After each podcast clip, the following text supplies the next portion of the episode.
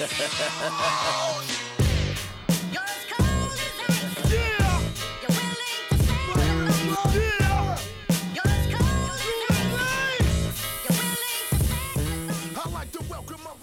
Gunnarsson, hvað gerir þú í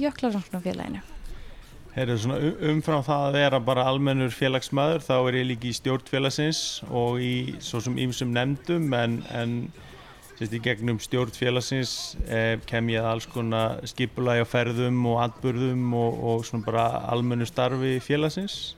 Þú ert svona, já þú má segja að þú tilherir yngri kynnslóð félagsmanna. Já, ég held að þó að ég er dett í færtugt eftir nokkur ár og þá til, tilheyri ég unglega reyfingunni og það er svo sem þetta kannski byggist upp með fólki sem er svona á svona rúmlega 70 áttræðs aldrei í dag. Ég myndi segja almennt séð er, er enduníun er svo sem bara svona ferli sem tekur ákveðin tíma. Það, það er mikið að nemyndum og yngra fólki sem starfar í félaginu og er, er með okkur en ég held að sé alveg þetta viðkynna það kjarnin í félaginu er svona e, reyndari kynnslóð en hérna þetta er í sjálfu sér bara fylgir takti tímans allt saman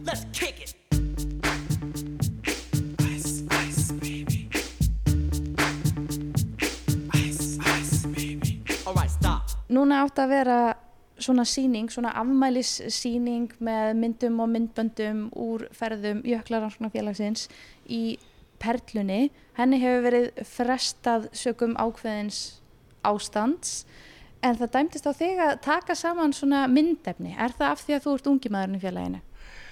Já, sko, það var sett að fót fyrir tæpu ári svona am ammalis nefnd sem að fór með þessi mál og hún var skipuð bæði fulltrúum yngri kynnslóðarinnar og, og eldri félaga líka til að hafa yfir sín og reynslu.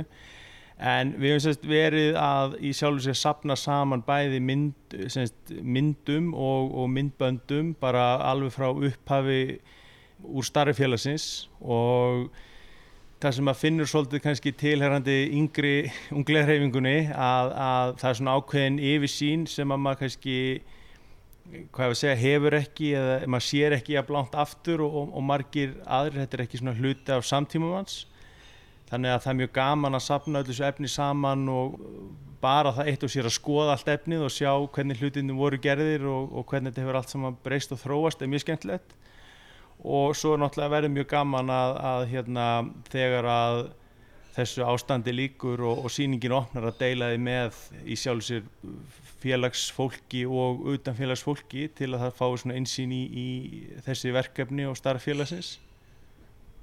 Hvað hefur þið fundið svona skemmtilegast við að fara í gegnum þetta myndefni? Er eitthvað sem hefur komið þér á óvart? Sko, það er kannski ekki beint á óvart en það er svona teiknast svolítið upp fyrir manni sko hvað þetta er í raun og veru auðvelt í dag. Ég held að það sé svona stæsta atriðið að maður sér fólk fór á skýðum og alls konar ökutækjum sem að ég held að enginn myndi fara á jökul í dag þegar að hérna voru engin leðsögutæki eða mjög erfitt að, að rata um jökla og, og svona tæknilegi kontrastin og bara svona gæði ökutæki og faratæki sé allt annar í dag. Og maður kannski hugsaður stundu þegar maður er á jökli svona þetta er erfiður dagur og þá kannski lítur maður aftur og sér að menn áttu kannski erfiða viku eða erfiðar tvær vikur sko svona í, ef við segjum í galna daga sko. Þannig að ég held að svona áskorannar hafi verið svolítið mikið öðruvísi í gamla daga og svo sannlega meira svona bras á öllu problem, yo. Ice, ice, baby. Brasið sem annars einkennir félagi. Ég held að það sé eh, hluti af því sem fólk svona sækir í í þessu sko. Það er þetta svona uh, að, að lenda í, í brasinu og þurfa að redda hlutum oft með, með engu sko. Þannig að hérna, ég held að það sé einhver svona þó þú sett oft svolítið þreyttur og kannski pyrraðar meðan á því stendur þá er það samt sem áður svona hluti af upplifun einhvern veginn.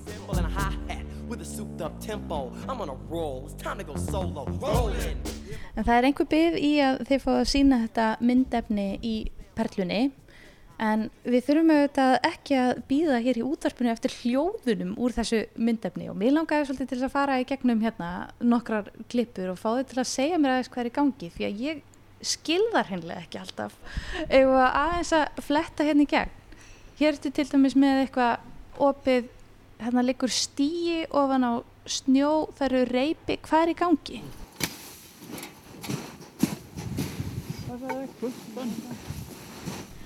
Sko þetta er, er hérna myndefni sem var tekið þegar Gauð síðist í Grínsvötnum 2011. Í kjölfar þess og í raun og voru árlega í vorferðin félagsins þá voru svona farið í ákveðna, við getum sagt skoðanaferð og í Grímsvötn. Þannig er mjög mikið þar að breytast bæði bara jarðhitti í kerfinu er að þróast og breytast og vötnin er að fyllast og þá rýsa ísællunar og þannig það eru miklar það er alltaf ný veröld sem tekur á mótið í hvert skipti sem hún kemur og hérna er í raun og veru fólk bara að búa sig undir það að fara onni í vötnin. Þetta er gos, semst, gígurinn sjálfur sem að gaus úr og er fallin saman. Og í þessu tilfelli þá er farið onni hann og það er tekinn síni og mældur hitti og, og svo var silt á bát og, og, og fleira svona rannsóknar tengd verkefni. Myndir eru bara stór hluti af því að, að kortleggja hvernig allt lítur út uh, ár frá ári. Þá fyrir þetta að koma. Þá fyrir byrja. Ok.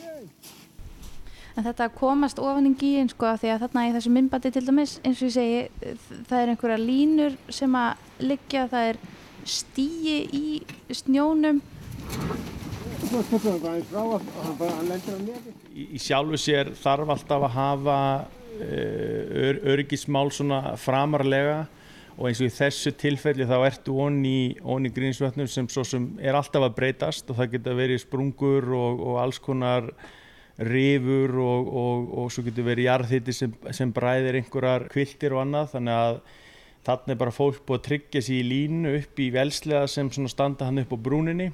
Og svo svona er, er verið að búa til snjóangir og tryggingar þannig að fólk geti farið onni í gíin með góðu móti.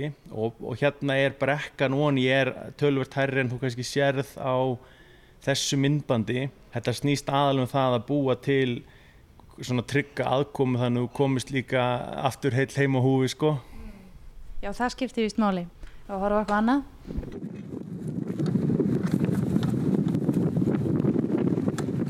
Þetta eru leiðangri sem var farið árið 2018 og 19 og hefur verið sjálfsög verkefni sem bara hefur verið í gangi. Þetta er á vegum veðastofunar og þetta er hluti af í raun og svona aukinni vöktun á, á hérna í Örafajökli. Það hafa verið jarðhæringar og, og, og svona breytingar sem menn hafa séð þar og það hefur verið að koma fyrir semst GPS mælitæki og með því að koma þeim fyrir á svona velvöldum stöðum í, í kringum eldstöðun og þá er hægt að leggja svona nákvæmar mat á hvar jarðskjálftar er að ge gerast og, og þá geta svona eldfjallafræðingar tólkað betur í sjálfu sér bara þær breytingar sem er sér stað og hvers má vænta. Þetta er í sjálfu sér svona hluti af því verkefni en, en þannig að þetta er upp á Rótafellsnjúk og það er bara verið að grafa niður á grafa niður á fast eða klöpp, reyna að finna klöpp þannig að þetta að, hérna, ganga frá svona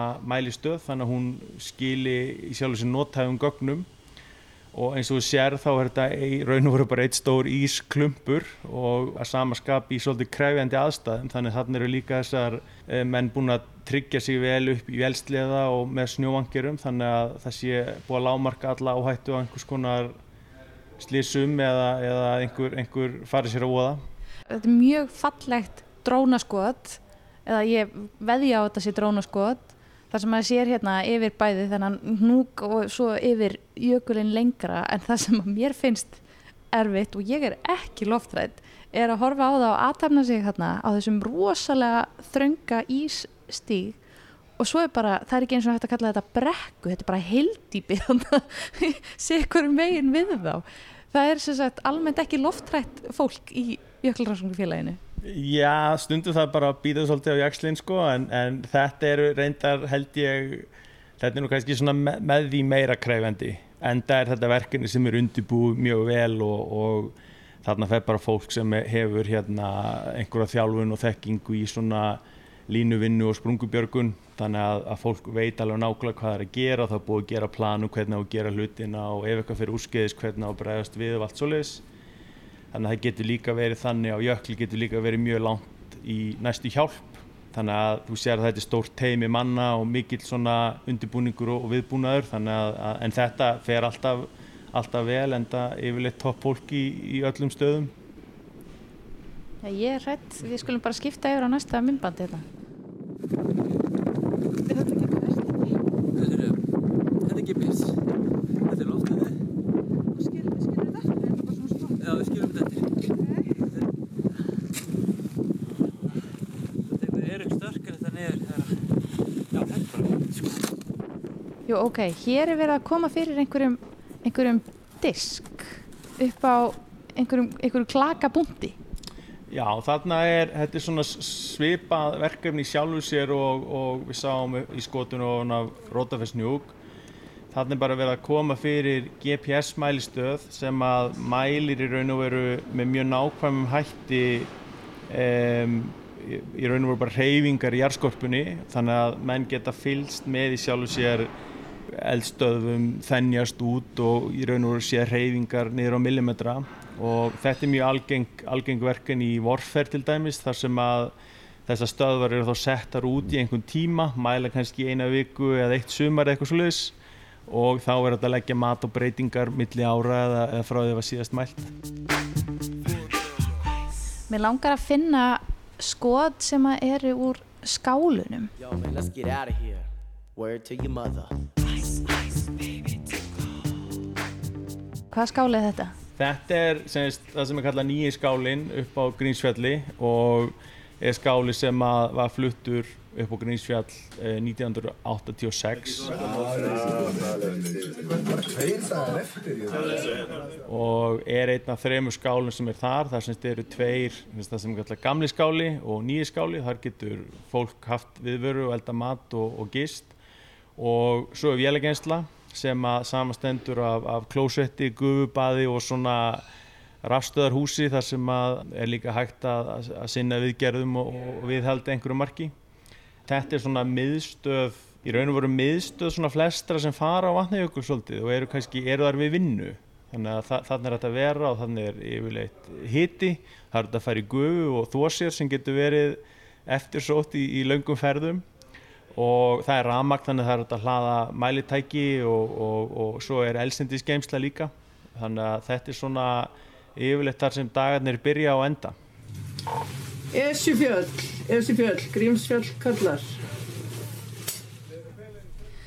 Þetta var alveg ógrinni af nesti sem við sáum þarna á borðum og svo sáum við súpu held ég sem að mallar þarna upp úr og, og fólk að drekka kaffi og hvað er besta nestið að hafa með sér á jökul? Það er yfirleitt er, er nesti útbúið í stórar álkistur og, og fólk horfir á mann stórum augum þegar maður fer í krónuna og kaupir kannski fjórar kerrur á mat um, en yfirleitt er allur matur góður af því að yfirleitt ertu orðið mjög svangur þegar kemur að því að borða og en það er mjög klassíst að elda lambalæri eða góða kjötsúpu eða, eða hérna eitthvað svona snarli við daginn og svo svona stóra góða máltíð á, á kvöldin og oft tegist svo máltíð inn í nóttina ef, ef dagurinn er langur. Eira Esjufjöll í Grímsfjalli. En svo er líka eitt sem að hefur svona orðnað mönnum í gegnum tíðina í svona ferðum og mér skilst að hafi tekið breytingum. Það er magnið af áfengi sem tekið er með upp á jökul. Já, ég held að það sé alveg óhætt að segja það. Það hafi svona kannski aðeins laknað á, á hérna áfengiskröfunum. Það eru til margar góðar sögur en það kannski tengist í líka. Fólk var kannski lendi í, í lengri sovjetum í gamla dag og hafði eitthvað minna að gera og þá var þetta að ordna sér eitthvað eh, kannski með smá sopa af einhverju, einhverju góðu.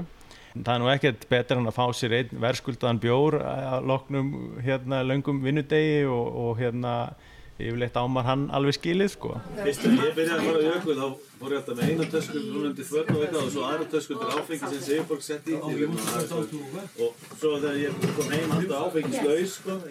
Svo er annað myndband það sem er verið að móka frá skálanum. Ég held að það sé hérna á undan þessu.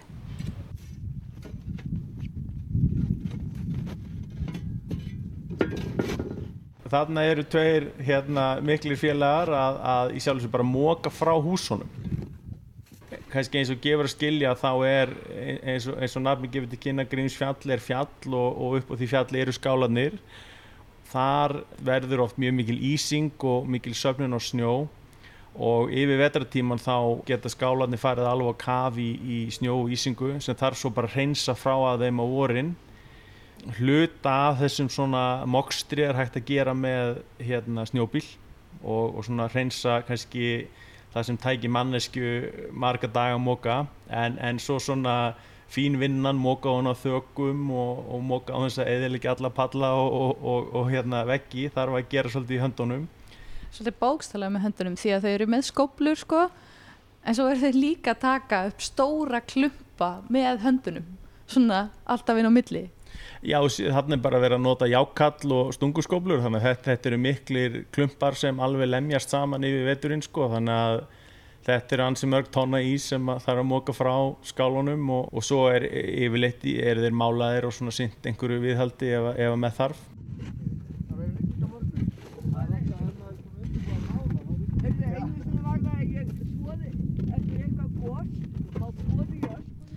Það er eitt myndband sem er langar eða, eða svona ein seria myndbandum kannski sem er langar að skoða í viðbót og það er það sem er verið að sigla. Það mætti nú ætla að það væri alltaf svolítið kallt upp á jökli en þarna á þessu vatni þar er hansi heitt, virðist vera. Já, sko, þetta er í sjálfu sér í framhald af því sem við skoðum hann áðan það sem var verið að tryggja leiðin og nými stigum og línum að þá er búið í sjálfu sér að finna leið og, og, og drösla hann einhverju ógrinni af, af mælitækjum og hittamælum og þannig komið bátur með dýftamæli.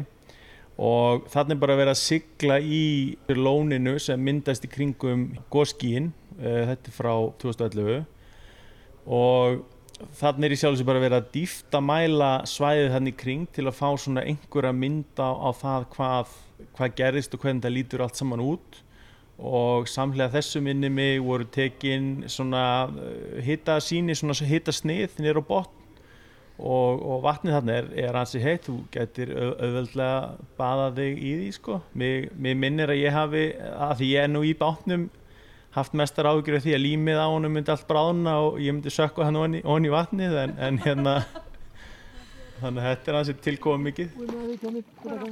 Bara eitthvað. Ég bara svona sjá aðeins hvernig Það hittnar.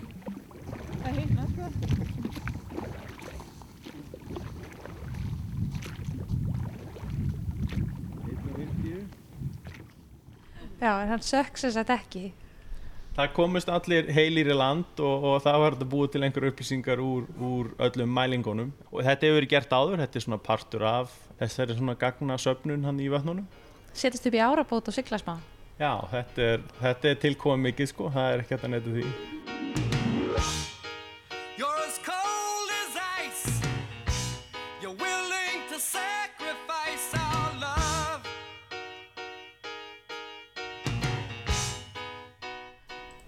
Náttúrulega bara svo mikið sem við getum sagt fólki hérna með hljóðinu en síðan að sjá þetta, þetta er ofbóðslega tilkomið mikið.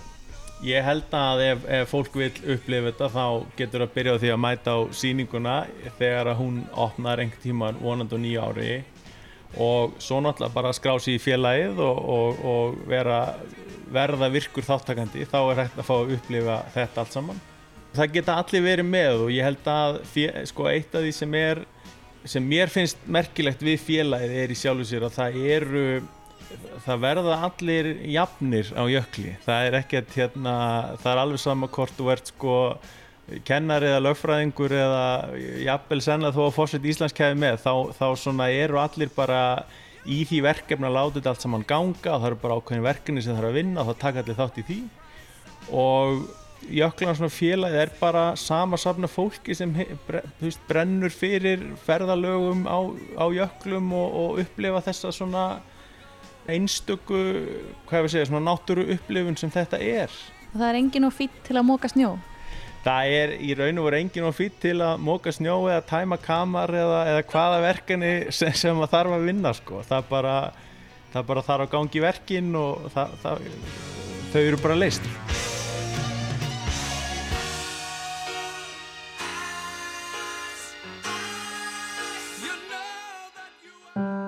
Rás eitt fyrir forvitna.